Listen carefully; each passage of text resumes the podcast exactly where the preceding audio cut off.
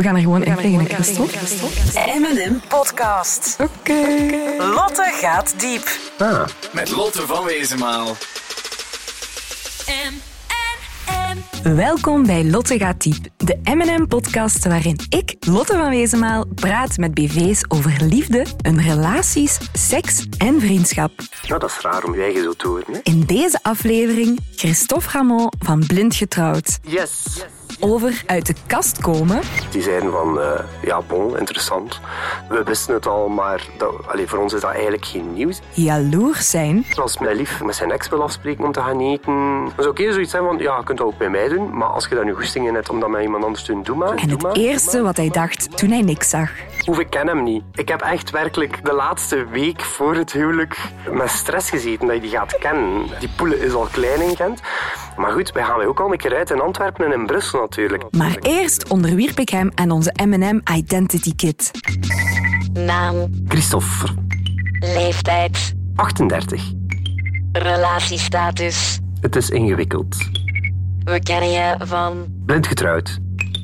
welke BV kan jou krijgen? Freek Braakman. Wat is jouw erogene zone? Ehm, mijn binnendijen. Identity kit, compleet. Music and more. Christophe, het zal geen verrassing zijn, maar je bent voor de mannen. Hoe was het voor jou om uit de kast te komen? Ehm, dat was eigenlijk heel grappig. Dat, ik was verliefd op eh, een klasgenoot van mij. eh, en we waren samen op weekend. En, eh, en het moest eruit op een bepaald moment. Eh, ik zat er al een tijd mee. En bij mijn vrienden was de reactie zo van... Allee, bon.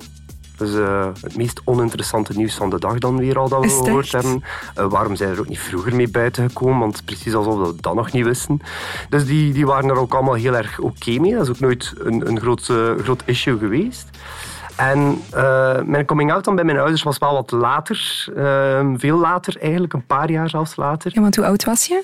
Ik was eh 17 toen ik uit de kast kwam bij mijn vrienden. En ik was al 22 toen dat het eh, pas bij mijn ouders thuis gebeurde. Omdat je... Ik heb het momentum wat gemist nadat het eh, bij mijn vrienden gebeurd was. mm, om dat dan ook bij mijn ouders te doen. En dan zit je een druk daar dan wat op om dat ook effectief nog een keer daar te doen. Ehm, en ik heb daar een beetje een externe factor nodig gehad toen dat ik 22 was. Er was een, een, een protestactie omdat de paus destijds, lang geleden, 23, dat is echt een eeuwigheid geleden, eh, de, de paus had gezegd dat de christendemocratische partijen het homohuwelijk niet mochten goedkeuren. Eh, dat was bij ons al gebeurd in België, want we waren het tweede land waar het wel kon. Eh, maar we wouden daar toch nog tegen protesteren en toen hebben we een homohuwelijk geanceneerd eh, voor het Bisschoppelijk Paleis in Mechelen. En... eh, ja, natuurlijk. eh, wie moet er dan trouwen? Dat is de Nomo natuurlijk van de Hoop die ze kennen. Dus ik zat daartussen. Dus je bent al eens getrouwd geweest. Fake trouw, dat was een fake- een fake huwelijk. Ehm, en ja, dan stond de pers daar wel. En, ehm, en toen dacht ik van, oei, dit staat morgen in de krant. Dit is niet oké als mijn ouders dat morgen in de krant moeten lezen. Ik ben toen vlug naar huis gegaan en toen heb ik het daar gezegd. En dan is dat 20 sec- seconden awkward geweest. Zo. Eh, En begrijp dat ook. Die- zagen dat ook niet aankomen of die hadden daar geen idee van. En dat is even hard binnenkomen. Ik ben enig kind ook, nageslacht, geen kleinkinderen. eh, alles wat dat, wat, alle elementen of alle argumenten waar je de afgelopen jaren dacht van dat is de reden waarom dat ik het niet kan zeggen, komen in die 20 seconden nog des te harder naar boven natuurlijk. En dan was dat gepasseerd. En toen zei ik zo van, ja, ik had gelijk wat meer reactie verwacht, want die waren al twee heel stil. En toen sprak mijn vader de legendarische woorden, want het was eh, begin augustus, het is wel warm mee vandaag. En dat was het. Dat was, dat was dan het verhaal over mijn coming out. Ik dacht, dat gaat hier een polemiek creëren of zo. Maar Ja. nee, niks. En dan was het oké, ja. En dan ben ik niet veel later, want ik was toen samen met iemand. En niet veel later is mijn, eh, mijn vriend mee thuisgekomen en dat was allemaal oké. Ik heb daar ook heel veel berichten over gehad de laatste maanden. Hè, van, eh, van jonge mensen die zeggen van ja, hoe moet ik dat doen? En, eh, of ik wil, dat, ik wil zeggen tegen mijn vriendin eh, dat ik haar fijn vind en, en dat ik eigenlijk meer zie dan een vriendschap als meisje. En, en ben er eigenlijk een beetje verliefd op.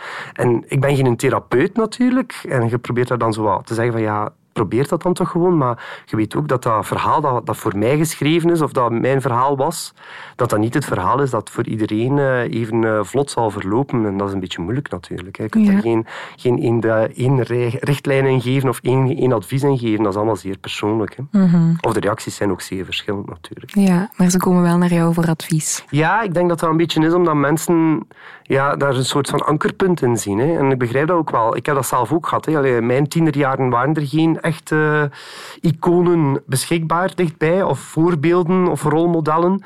Dichtstbijzijnde was Ellen DeGeneres, die dan eh, in haar sitcom eh, uit de kast kwam. En dat was het eerste en het enige, zowat, denk ik. Denk je dat het vroeger ook moeilijker was om, om ja, een coming-out te doen? Of is het nu... Ja. Ik ben ervan overtuigd dat dat vroeger veel moeilijker was. En mijn diepste respect gaat ook uit naar eh, de mannen en vrouwen die jaren voor mij met hetzelfde scenario zaten en, eh, en uit de kast moesten komen. Want voor mij was dat al een stuk evidenter. Ik denk dat mijn ouders wel al een iets van over holibies gehoord hadden en die wel wisten wat dat was. Terwijl dat, dat voor een generatie ouder misschien nog een stuk moeilijker was om, om dat uitgelegd te krijgen wat dat, dat precies is natuurlijk. En, eh, en wat dat, dat precies betekent. De vooroordelen waren er misschien nog een beetje in mijn tijd, maar dat, dat, dat ebt ook langzaam maar zeker weg. En dat Ja. is een goede zaak. Maar eh, ja, voor mij was dat, ja, dat was een, een periode waarbij dat die, die rolmodellen ze lagen niet op een hoop te wachten om naar te verwijzen dat het allemaal oké was. En dingen zoals de, de Gay Pride en, eh, eh, die jaarlijks doorgaat. En die zijn absoluut nodig, ehm, ook qua representatie en, en om dat te tonen dat het bestaat. Maar in die tijd ging ik ook naar de Pride. Maar hetgeen wat je daarvan in het journaal ziet, is eh, meestal ook niet hetgene dat daar allemaal rondloopt. En dat begrijp ik ook. In media proberen daar ook een stuk een beeld van te maken. Of grijpen terug naar de leukste voorbeelden om te tonen in het journaal. En die zijn ook onderdeel hè, van de gemeenschap. En, ik bedoel, eh, degenen die met pluimen in hun gat lopen en met een ladder aanlopen, is allemaal oké. Eh, en die zijn er ook. Die mogen ook getoond worden. Maar er is ook gewoon eh, een heel grote groep die, die er zo normaal uitziet als dat ik eruit zie. En dat zie je dan vaak ook niet in die beeldvorming. En dat is een beetje de vrees soms, hè, van oei, dat is hier iets excentriek en iets uitzonderlijks. En dat gaat hier raar zijn.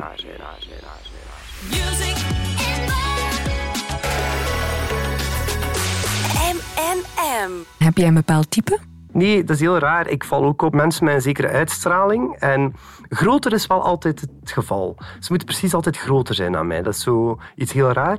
Maar voor de rest... eh, Hoezo is dat raar? ja, ja dat, dat is, ik vind dat heel raar om, om mensen af te schrijven op het feit dat ze bijvoorbeeld 5 centimeter kleiner zijn dan mij. Die, die kunnen daar ook niet aan doen. Hè. Dat is hun schuld niet als ze 5 centimeter kleiner zijn. En toch denk je van, ja nee, hè, deze gaat niet werken. Dat is, te klein voor mij. Ja, mijn voorkeur gaat dan toch uit naar de grotere man, waar ik mij dan geborgen bij voel waarschijnlijk. En mee kan knuffelen en mij kan in wegsteken een stuk. Maar voor de rest geen type, nee. Ik heb eh, alle soorten mannen, vind ik, eh, dat, dat, dat maakt niet uit. En qua innerlijk? Moeten mensen zijn die ehm, al een keer een avontuur aan kunnen? Want dat is niet zo evident. Je hebt heel veel mensen die heel op hun gemak zijn met het gewone leven en dat is al lastig genoeg. Maar bij mij gaat het wel al een keer in pieken en in dalen van eh, avontuurlijk zijn. Mensen die ook met hun emoties overweg kunnen en daar goed kunnen over communiceren. Dat is ook altijd heel erg fijn. En een beetje dezelfde normen en waarden hebben, zo van eh, hoe dat je kijkt in het, naar het leven en hoe dat je daarin staat. Maar mensen die toch een beetje hetzelfde denken en zo, hè, dat is altijd fijn. Ik wou zeggen, was Nick je type? dat was wel duidelijk, hè? Nee, nee. ehm Nick was zeker mijn type. Nick is geen lelijke mens, hè? Dus eh, dat, is, eh, dat is zeker niet moeilijk om daar verliefd op te worden. Nick is ook iemand die heel veel praat en, en ook heel erg in, in contact is met zijn emotionele kant. En daar heb ik ook heel veel van geleerd, absoluut. Eh, dat was voor mij voorheen misschien wel moeilijker om daar zelf ook zo over te praten. Eh, die heeft dat dus ook wel een beetje losgetrokken in mij. Dus ja, zeker. Nick was zeker mijn, eh, mijn type. Dat was geen probleem. Wat was het eerste dat door je heen ging toen jij hem zag? Hoef ik ken hem niet. Het is niemand dat ik ken. Ik heb echt werkelijk de laatste week voor, voor het huwelijk eh, met stress gezeten dat je die gaat kennen. En je weet ergens, ja, het zal waarschijnlijk niemand van Gent zijn, want ik zeg het, die, die poelen is al klein in Gent. Maar goed, wij gaan ook al een keer uit in Antwerpen en in Brussel natuurlijk. En ik heb ook vrienden in, in Antwerpen en in Brussel en daarbuiten. eh en holibievrienden, dus de kans zit er toch altijd ergens in dat je die misschien een keer op een feestje gezien hebt of, of, of tegengekomen bent. En dat was de, de grootste stress in die, die laatste week. De- mijn eerste idee was, ah, het is iemand die ik ken. En twee was uiteraard van, amai, en het ziet er nog een snel uit ook. Het ziet Ja. En ja, dan, eh, dan ba- barst het feest los als we elkaar leren kennen. En dan denken we, oh ja, dat is nog een sympathiek ook. En zo'n joviaal en een enthousiaste. Dus dat was zeker eh, een goede match. Ja, ja, ja. Oké. Het is alleen maar een positieve eerste indruk. Absoluut, absoluut. Als je verder ging in het proces, merkten we dat je gevoelens begon te krijgen. Ja. Maar hoe voelde dat omdat dat het niet beantwoord werd? Dat is zwaar, hè. En ik denk dat dat voor iedereen die in, eh, in die situatie zit, dat dat niet gemakkelijk is. Eh, als je verliefd bent op iemand en je kunt er ook nog een keer over praten, als je nog voor je eigen moet houden, is het misschien nog zwaarder, maar wij konden daar ook wel over praten. Maar je krijgt wel de boodschap van, ja, voor mij is het op dit moment niet. Dan is dat niet gemakkelijk. Dan is dat heel erg zwaar om te dragen, omdat je... Je wilt daar wel in pushen, je wilt die grenzen wel verleggen, je wilt daar een poging doen om die gevoelens te doen komen, maar je weet dat het niet aan u is om, om die gevoelens te doen ontstaan. En denk je dat het anders zou zijn als het niet in het programma gebeurd zou zijn? Ik, ik denk, moesten wij elkaar in het dagelijks leven leren kennen hebben of, of elkaar tegengekomen zijn, dat die gemeenschappelijke interesse er niet zou geweest zijn. Eh, we hadden dat van beide kanten. We zouden elkaar sympathiek gevonden hebben, maar misschien ook alle twee zeer druk gevonden hebben en misschien wel vermeden hebben om elkaar te leren kennen. Maar ik geloof ook niet dat de, dat de druk van de camera's ervoor gezorgd heeft dat het niet gelukt is. Want wij, wij waren daar zeer snel aan gewoon, eh, aan gewend, aan die camera's. En dat heeft onze gesprekken ook nooit belemmerd en onze communicatie ook nooit belemmerd. Dus hadden we elkaar leren kennen buiten het programma om, dan denk ik niet dat dat iets anders zou geweest zijn dan wat dat vandaag is. Dus eh, Nee. Nee. En hoe is het nu met Nick? Goed. Goed, ah, maar ja, goed.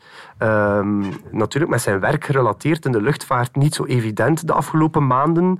Eh, en ik vermoed dat hij nog een tijdje in België zal moeten blijven aan de grond. Ehm, en dat is natuurlijk minder fijn. Maar nee, wij horen elkaar eh, hele dagen en eh, wij sturen nog dagelijks een bericht. En dat is voor de grootste onzin eerst. of Zoals? Ehm, dat hij weer een keer op de cover ergens staat van een of ander magazine, of ik ergens in een artikel sta of zo van die dingen. En dat hij iets laten vallen heeft van eten in de keuken, dat kan ook gebeuren. Dus eh, nee, maar wij, wij horen elkaar nog heel erg veel en dat is ook maar normaal. Hè. We hebben zo'n intens parcours gelopen samen, voor maanden aan een stuk. Dat is een band gesmeed die, eh, die moeilijk kapot te krijgen is natuurlijk. Hè. Denk je dat het gaat blijven bestaan, die band? Ja, dat, is, dat, gaat, dat gaat wat minderen. Hè. Allee, hij woont in Antwerpen, hij heeft daar zijn leven, ook zijn, zijn sociaal netwerk. Ik ben in Gent, ik heb daar ook mijn sociaal netwerk, ook mijn leven. Eh, en dat is niet dat we elkaar ook iedere week de deur kunnen, plat, kunnen platlopen zelfs. Eh, en dat we dat ook niet zouden doen, denk ik. Eh, misschien moesten we dichter wonen wel, maar, maar we gaan elkaar zeker nog veel zien. Maar het zal niet meer de intensiteit hebben van, van het huwelijk en de afgelopen maanden, denk ik. En stel over tien jaar, jullie zijn allebei single. Mhm. Denk je, kan nog ooit iets worden? Nee, nee, dat wordt niks meer. Dat is nu echt friendzone. Ehm, dat is echt... eh, nee, dat is voorbij. Ik, ik sluit me daar ook vooraf. En dat is ook... Dat is mijn persoonlijkheid ook een stuk. Als een beslissing genomen is, dan draag ik daar ook de consequentie van. Of probeer ik daar de consequentie van te dragen. Ehm, maar voor mij is dat een afgesloten hoofdstuk en dat is voorbij. En, en, eh, en dat verhaal is af. En heel goed als vrienden, maar meer zal dat niet zijn. En eh, dat is oké. Dat is oké. Dat is oké. Dat is oké. Lotte gaat diep. Hoe jaloers ben jij? Ik ben niet jaloers. Nee, mijn lief mag, ehm, mag kijken naar andere mannen. En eigenlijk verwacht ik ook een keer een beetje van... Ik vind dat je nog altijd moet kunnen zeggen, ook als je in een relatie zit, van ik vind dat een knappe vrouw, ik vind dat een knappe man. Zonder dat daar meer moet komen bij kijken, uiteraard. Maar ik ben ook niet jaloers als mijn, eh, mijn lief, eh, bij wijze van spreken, met zijn ex wil afspreken om te gaan eten. Of eh, met een hele knappe gast afspreekt om iets te gaan doen. Dan zou eerder zoiets zijn van, ja, je kunt dat ook bij mij doen. Maar als je daar nu goesting in hebt om dat met iemand anders te doen, doe maar. En dat is niet, dat is niet echt een jaloezie. Hoe ver mag het gaan? Goh, van mij mag het ver gaan in die zin eh, dat, dat ik ook fysieke aantrekking begrijp en dat ik het onderscheid altijd maak tussen lust en liefde. Lust is dan iets van, als je iemand heel erg knap vindt en je wilt die een keer binnendraaien op de Vlasmarkt tijdens een Gents feesten, dan heb ik daar geen probleem mee. Nee? Nee, nee. Of, of op een vijf. Maar wat kan mij dat schelen, zeg. Natuurlijk, ja, in bed duiken, dat is wel de grens. Ik zou daar nog enigszins begrip kunnen voor hem als dat iemand heel aantrekkelijk is en, en dat dat eenmalig is. Maar, ehm, maar ik ben ook niet echt het type voor een open relatie. Daar geloof ik dan ook niet in dat dat kan volgehouden worden. Ehm, maar dat is een persoonlijke opinie natuurlijk. Maar ja, zo'n keer binnendraaien, dat vind ik echt, echt geen, geen issue. Nee. Nee, maar je zegt, ik geloof zo het open relatiestuk en monogamie, is dat dan wel iets waar jij in gelooft? Ja, ik geloof heel sterk in monogamie. En ik geloof dat als je dan kiest voor één iemand, dat, het, dat je dan daar ook voor kiest. En dat dat de enige is waar dat je ook je fysieke aantrekking mee uitoefent en mee in bed belandt. En pas op, eh, er zijn mensen die geloven in open relatie en dat dat een meerwaarde kan betekenen voor hun relatie. Vroeg of laat geloof ik dat dat dan verkeerd loopt en dat dat tot een breuk leidt of in vertrouwen, of effectief een breuk tussen twee mensen. Omdat je als partner niet meer gewenst voelt, omdat er iemand anders in het spel is. En dat maakt het altijd een stuk ingewikkelder, denk ik. Maar goed, uh, nee, ik, ben echt, ik ben echt overtuigd van monogamie, van met één iemand je leven te delen en daar alles ook mee te delen. Stel je dan inderdaad met die ene persoon samen bent en er wordt toch over een grens gegaan, zeg je dan ik geef iemand nog een kans? Of? Ja, ja, ik geef die nog een kans, omdat een fout is rap gebeurd en ik kan daar begrip voor opbrengen. Ik ga daar heel gekwetst uit komen en er gaat weer veel moeten opgebouwd worden. Vertrouwen uh, gaat weg te paard en komt terug te voet. Dat is iets waar dat je dan weer veel tijd en energie moet insteken. En dat vind ik dan jammer, omdat je dan weer helemaal opnieuw moet beginnen. Niet helemaal opnieuw, maar dan toch eh, een paar stappen teruggezet hebt. En dat vind ik heel erg jammer, omdat je al ver stond misschien. Maar ik zou die wel niet zomaar alles overboord gooien, omdat er een misstap gebeurd is. Heb je veel vrienden of ben je liever op jezelf? Ik ben een sociaal beest. Ik zie graag heel veel mensen en op verschillende gelegenheden. Ik, ik ben, ik heb, ik, het is niet dat, dat ik uit een nest kom, maar dat het altijd zo druk, druk, druk en met veel mensen rondom ons was. Uh, en ik moest mij ook altijd zeer flink op mezelf bezighouden. En zelf uh, ganzenbord spelen met vier pionnen en dan uh, eerlijk spelen. Mm um, maar ik denk dat dat, ja, van het moment dat ik in mijn puberteit en in mijn tienerjaren terechtgekomen ben, dat ik altijd heel veel mensen rondom mij gehad heb. En ik vind dat heel erg fijn. En, uh, en dat is een hele grote groep. En, uh, en dat is leuk, maar daar zitten ook gradaties in. En, en dat is, dat zo, zo hoort het ook. Je hebt een hele dichte kring en dan ja. heel veel mensen die daar rondhangt. Heb jij ook een beste vriend of een beste vriendin? Iemand die er echt bovenuit steekt? Ja, tuurlijk. Het zijn vaak vriendinnen bij mij. Er zijn er zo een stuk of drie, vier waarvan dat je weet... Dat zijn mijn... Uh, mijn opiniebepalers. Ja. Dat zijn degenen waar dat, als er een probleem is of een issue is, of moet iets vertellen, dat die hun mening het zwaarst zal doorwegen. Dus als je ergens mee zit, dan is het meteen de hulplijn inschakelen. Absoluut, absoluut. Je moet daar niet blijven mee zitten. Hè. Je moet dat, er, als er dingen zijn, dan moet je dat kwijt kunnen aan, aan iemand. Ja. En daar is zo'n een, een hele goede vriendin altijd een, een, een, perfect redmiddel om het daarover te hebben. Dat is een klankbord. Dat is iemand die... Mhm u vaak ook al heel goed kent en heel goed weet hoe dat je denkt. En, uh, en die daar ook waardevolle feedback kan op geven. Mm uh, want uiteraard, iedereen heeft een mening over alles en je kunt misschien veel dingen bespreken met veel mensen, maar niet iedereen kan zich bewegen in jouw gedachtegangen en hoe dat, dat daar bij u werkt. En er zijn altijd een paar mensen die dat wel kunnen. En dat zijn degenen waar dat het waardevol is om, om, om die feedback aan te vragen natuurlijk. En Mhm. En soms ook te horen dat je misschien geen gelijk hebt. Oké. Dat, zijn de, dat zijn de beste. Hè. Ja. Die zeggen van, goed plan doen we niet. En dat vind ik zelf nu moeilijk, omdat dat mijn persoonlijkheid ook wat tegenwringt. Omdat ik kan heel moeilijk met kritiek om. Mm um, allee, heel moeilijk met kritiek op. Ik vind dat soms moeilijk om te vragen. Tenzij dat dat ook komt van die mensen dan die zeggen van... Sorry, maar wat je nu doet is echt compleet van de pot gerukt dan gaan mijn, uh, mijn ogen even open van wow, wat is, uh, wat is me dat hier? En dan moet ik daar dringend nog een keer over nadenken wat dat aan toen was. Uh, en die zeggen dat ook. En die gaan dat ook open en, en rechtuit zeggen. En dat is, dat is waar dat om draait in vriendschap. Ja, maar daar kan je het wel van hebben. Daar kan ik het van hebben, ja. Ja, ja terwijl iemand anders dat niet zou moeten zeggen of zou moeten proberen of zou moeten insinueren nog maar. Mm Maar dat zijn wel mensen waarvan dat ik dan even slik en denk van dit neem ik mee. En waarin verschillen jij en je beste vrienden? Ik ben nogal uh, losser en zotter. Ik denk dat dat een verschil is met mijn vrienden die iets standvastiger zijn en gecontroleerder en daar misschien iets meer over nadenken. Um, en dat is, dat is qua compensatie kan dat wel tellen natuurlijk. Mm -hmm. uh, maar die zich ook heel goed kunnen uh, begeven in mijn zot idee of daar heel veel begrip kunnen voor tonen. Bij mij moet ook maar een halfwoord zo van, zullen we dat doen? Ja, we doen dat. Boef, bam, we zijn weg. Het impulsieve. Ja, het impulsieve van boef, ja. kom, we doen dat. Als het dus ooit botst tussen jou en je vrienden, hoe los je een ruzie dan op? Ik ben daar te koppig in. Hè. Dus ik, ik ben dan zo degene die dan uh, uh, niet de hand uitreikt vaak. Maar hoe?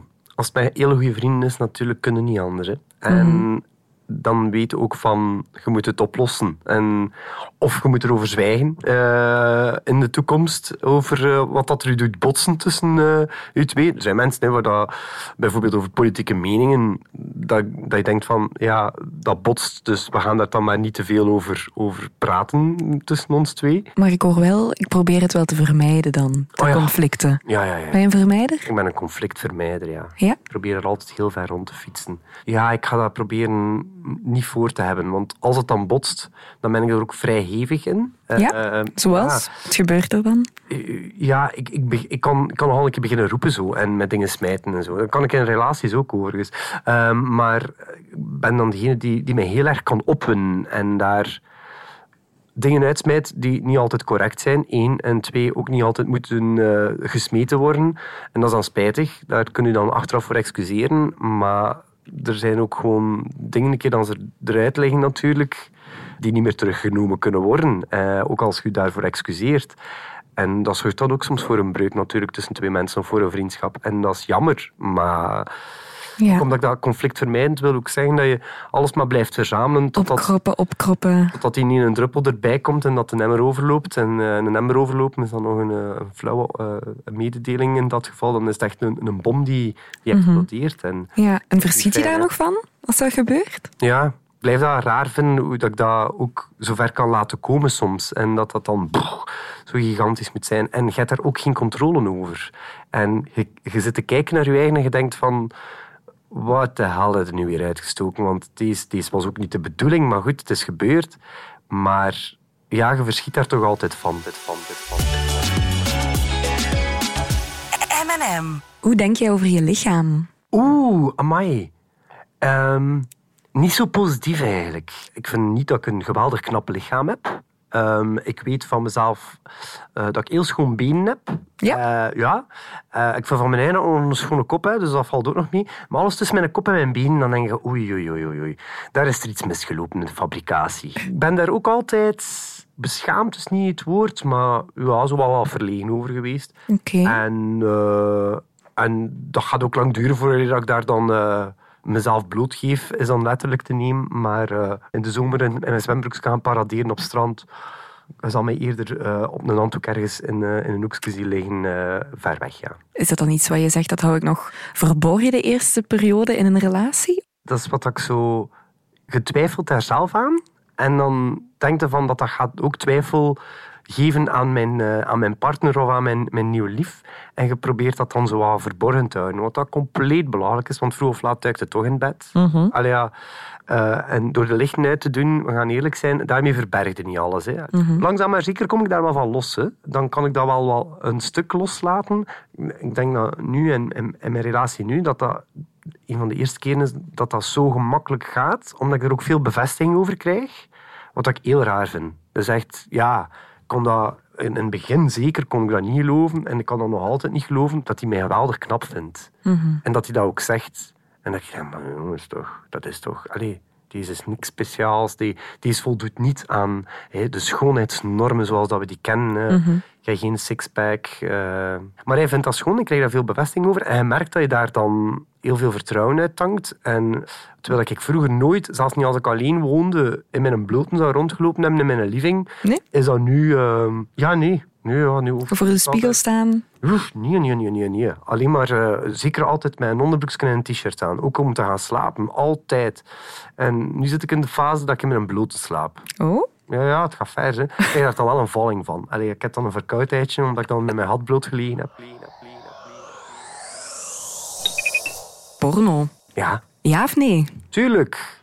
Maar ja, wat zouden we zijn zonder porno? Porno vind ik... eh, er mag dan misschien een stigma rond bestaan of een taboe, een taboe van... eh, ik kijk geen porno. Ah, we gaan eerlijk zijn, iedereen kijkt porno. Dat is, toch, dat is toch maar normaal. Iedereen wil toch een keer... Zeker als je... Toen ik single was, zeker van... eh, soms hadden we ook gewoon geen seks en moeten een keer masturberen. Dan ga je dat niet meer doen door prentjes te zitten bekijken. We leven in een moderne tijd. Je kunt tegenwoordig porno bekijken op een telefoon. Dus dat is niet zo moeilijk. En, eh, en ik vind dat mooi. Ja, ik kan- kan er ook echt naar... Ik ben ook wel altijd zo heel erg in het besef van... deze is nieuw dat normaal gezien is. Oké, want dat heeft niet iedereen natuurlijk. Zeker als jongere. Toen je jonger was en je keek porno, had je toen ook dat idee al? Maar we hadden zoveel toegang niet tot porno. Wij, wij moesten echt naar prentjes. Ik ben van een oude stempel. Hè. Ja. Ik denk ik al 38. Of zo in de videotheek of zo stiekem. eh, Ja, zo eh, cassettes gaan halen. Zo. Ja, nou ja, ik heb dat heel weinig gedaan, moet ik toegeven. Dus, maar ik kan me wel inbeelden dat dat inderdaad moeilijk is om te zeggen van... eh, of, of dat het zoiets is van... Ja, dat is niet normaal. Allee, tussen aanhalingstekens, dit is nieuw dat altijd seks verloopt. Zoals dat het in eh, sommige pornoscènes eh voorgeschoteld wordt. Laat ons eerlijk zijn, er is heel weinig seks die zoals in pornoscènes. Ik denk soms van, mannetjes, mannetjes, hoe lang kunnen we er doorgaan? En moet dat met zoveel lawaai? Maar je moet er wel een beetje bewust van zijn, denk ik. Hè, dat, dat, dat dat een, eh, een ansenering is. En dat dat gelijk in de betere Hollywoodfilm niet altijd eh, is zoals dat het in de werkelijkheid is natuurlijk. Hè. Nee, klopt. En zijn er dan ook bepaalde categorieën waar je vaker naar teruggrijpt? Nee, geen categorie. En ook daar, je moet naar alle categorieën durven kijken. Een uniform, eh bondage. En ik bedoel, er zijn meerdere categorieën waar je eigenlijk niet moet naar kijken. Ja, ik heb wel een favoriete pornoacteur die mij altijd weet te plezieren. Dus ehm, Wie? Diego Sans. Diego Sans. Ja, dat is heel raar. En ja. wat is er zo speciaal aan Diego? Maar niks. Maar dat is een hele mooie mens, hè. daar niet van. Hè. En, eh, bovenal, die heeft ook eh, tattoos. En ik ben niet zo geweldig voor tattoos. En het zijn al een lelijke tattoos dat die een mens heeft. Ehm, en toch, er moet iets zijn aan hem waarvoor dat, waarvan dat ik denk... Oh man, dat is nu een keer een schone... Terwijl moest ik die waarschijnlijk tegenkomen op straat... Dat misschien er niet zo naar kijken of zo. Of, of er niet eens zou durven tegenpraten, waarschijnlijk. Maar ehm, ja, dat is, dat is, dat is de, de, de ene waar, dat, waar dat ik zo al een keer naar op zoek zo. Dat ik Ja. denk, zou, zou het iets nieuws uitgebracht hebben? Oké, ja. Is er al een nieuwe release? Dat is gelijk uw favoriete popartiest eigenlijk. Lotte gaat diep. Wat was jouw meest rampzalige sekservaring? Ja, dat zo binnenkomen, kussen, kleren uit en klaarkomen bij de tegenpartij. Oké, En dat je denkt, dus zelfs nog geen seks aan te pas gekomen nee, bij. zelfs niet, in, zelfs niet in bed belanden. Ja, En dan denkt je, oei, deze was niet precies wat we...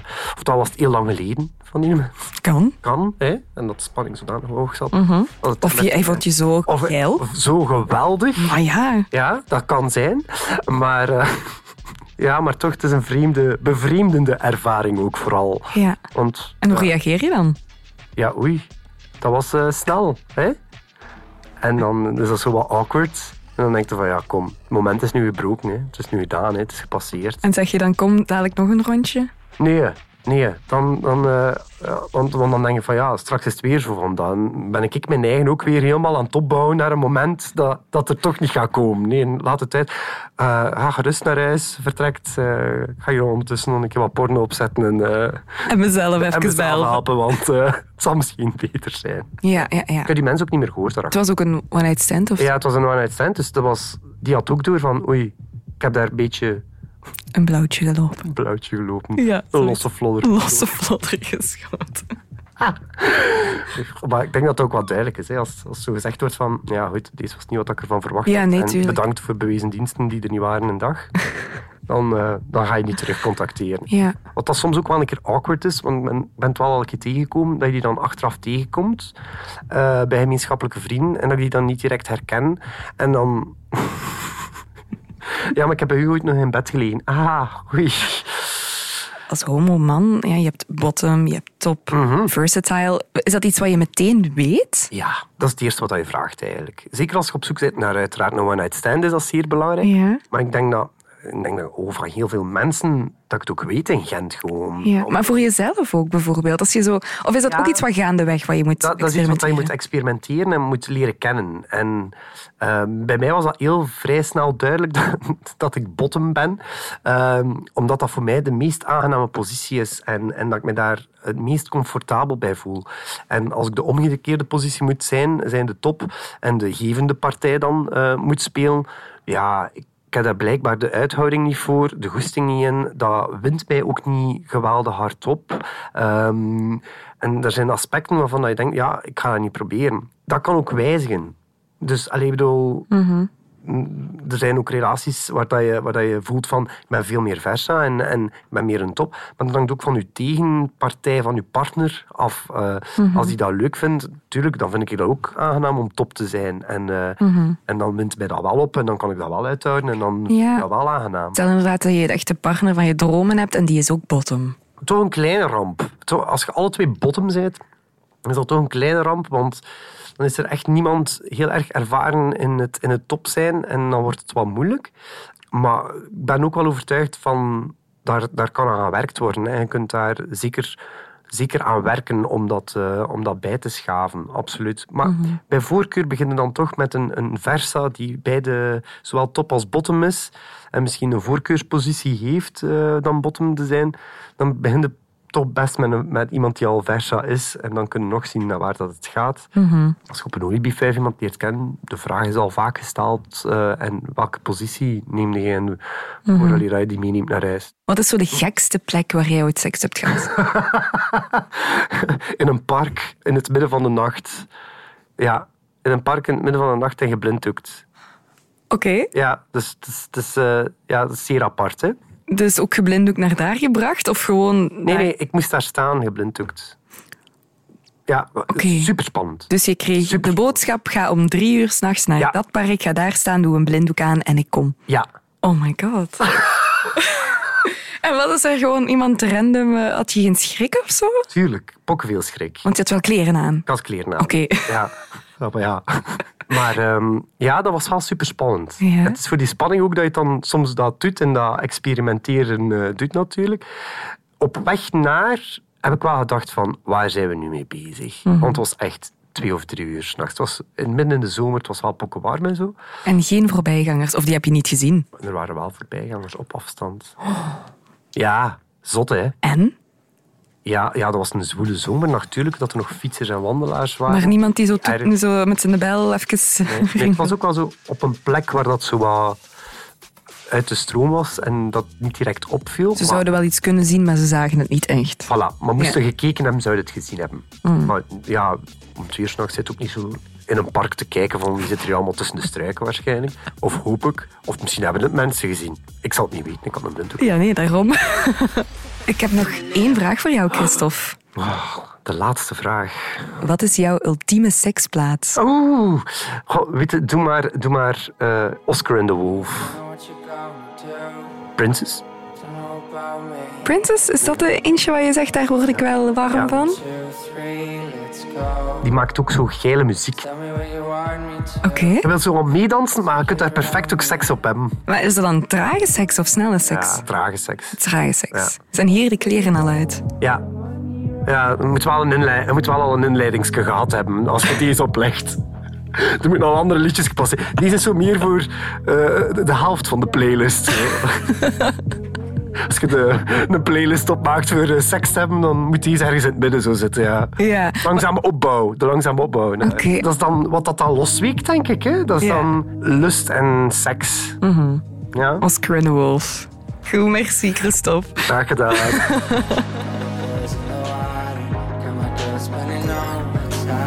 Dit was Lotte gaat diep met Christophe Ramon van Blind Getrouwd. Heb je zelf vragen over liefde, seks, relaties en vriendschap? Surf dan naar mnm.be.